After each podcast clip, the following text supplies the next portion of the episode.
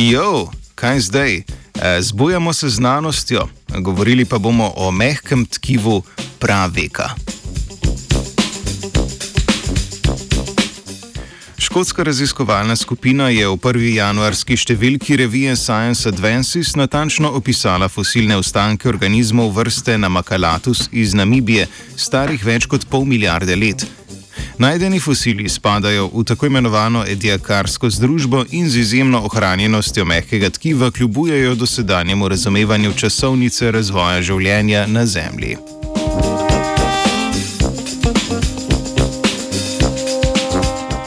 Organizmi vrste Namakalatus so bili veliki do nekaj 10 mm in so živeli pritrjeni na dnu morja, kamor so se pričvrstili s pecljem. Na vrhu peclja so imeli čašasto telo z zunanjim skeletom in bodicami. O taki zunanji obliki sklepamo na podlagi najdenih fosilov, ki so, kot smo že omenili, nastali pred pol milijarde let. Fosili so se tako dobro ohranili, ker je organsko snov nadomestil mineral pirit. Procesu rečemo piritizacija in lahko poteče le v okoljih zelo malo kisika. Zaradi dobro ohranjene Zaradi dobro ohranjene zgradbe znanstvenice in znanstveniki sklepajo, da je piritizacija potekla zelo hitro, morda v roku nekaj dni ali celo ur.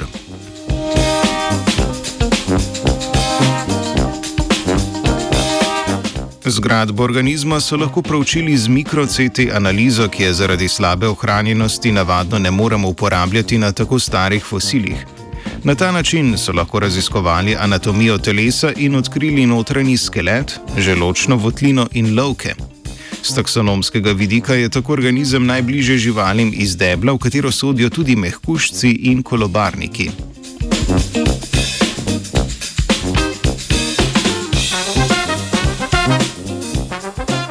Prvotna domneva, da se korenine tega debla raztezajo v drugo fazo kambrijske eksplozije, imenovano Small Shelly Fauna, je tako postavljena pod vprašaj.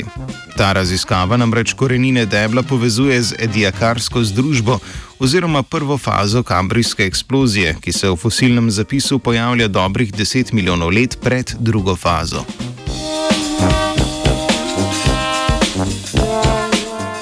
Visoka stopnja ohranjenosti najdenih fosilov omogoča raziskovanje preteklosti današnjih živalskih debel v resnično oddaljenih koncih zemljine zgodovine.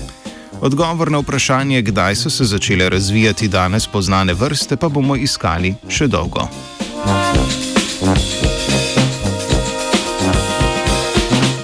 Na Makalatu se je lovila vajenka Leja. Three, two,